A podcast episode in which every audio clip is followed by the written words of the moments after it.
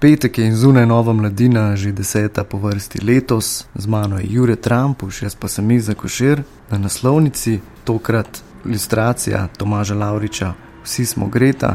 Najprej pa moramo obvezno povedati, da je danes mednarodni dan žensk in da bi moral biti vsak dan boj za enakopravnost in ne samo na 8. marec. Tako je, strinjam se, čestitke in pozdrav vsem.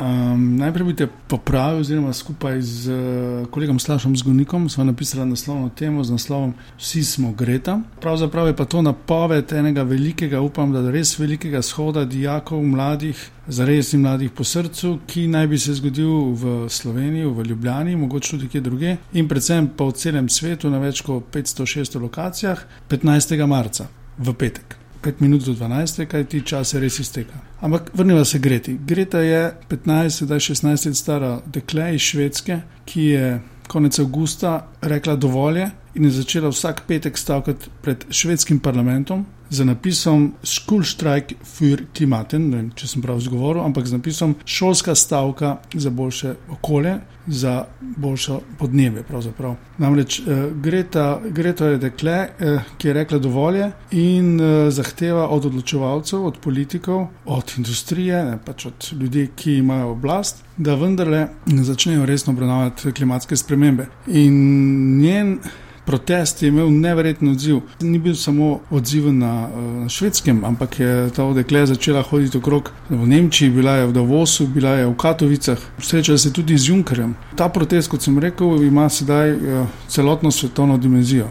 Očitno so se morali zganiti mladi, ker se niso starejši, bi lahko rekli, ta generacija, ki tako zelo radi učita apatičnost, je zdaj pograbila vse vzvode in bo odločno, oziroma je odločna, da bo naredila neke spremembe. Kaj pa zahtevajo protestniki, ki bodo prihodnji petek na shodu? Najprej bi se ustavil glede te tvoje apatije. Ne? V bistvu jih mi, recimo, neki srednji generaciji, eh, z veliko simpatijami gledamo na mlade, ker so pač nam in našim staršem nastavili ogledalo. Namreč našo potrošništvo, našo, naša gospodarska rast, eh, naš. naš užitek v bistvu odzira, uh, odžira njim prihodnost. In mladi, ki poslušajo, da prihajajo klimatske spremembe, ki poslušajo, da bo okolje preko sled klecnilo, se dobro zavedajo tega, da jim mi krademo prihodnost. Lahko mi dva letiva vsak dan z letali v Berlin, če hočemo, ampak ne vem, kako bo čez 50 let.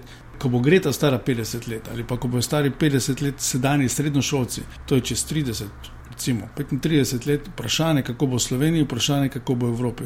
In zato je seveda prav, da so se zganili in upam, da eh, bo ta njihova petkov štrajk, petkova stavka ne, dejansko pritisnila na odločevalce, da, da, da naredijo nekaj radikalnih, radikalnih rezov.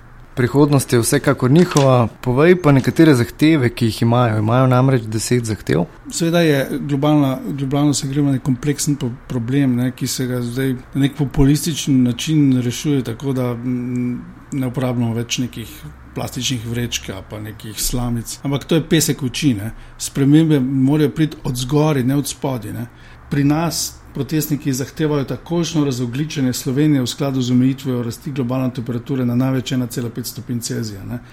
ne vem, če vejo poslušalci, ampak v samo Sloveniji so se poprečna temperatura v zadnjih 50 letih dvignila za 1,7 stopinje Celzija. Zato je tudi manj snega in tudi več vremenskih nevšečnosti. Ne. Zahtevajo recimo tudi ukrepe za zmanjševanje porabe energije in takošno pravičen prehod na nizkooglične vire energije. Ne.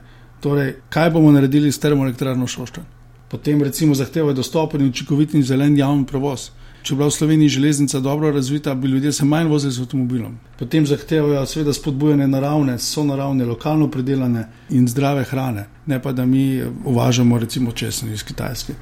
Teh zahtev je deset, morda so te zahteve ludistične, morda so te zahteve neracionalne, ampak ravno zato so pravilne. Vsekakor je dobro, da se shoda udeležimo vsi, ne zgolj mladi, temveč tudi tisti, ki jih podpiramo in vsi skupaj poskrbimo za lepšo in boljšo prihodnost. Jure, to ni vse, kar si lahko preberemo v mladini. Povej, kaj še prinaša nova številka. Nova številka ima intervju z uh, Marjenom Šarcem, s predsednikom vlade, ki ima visoko priljubljenost in ki mu v zadnjem času odstopajo ministri.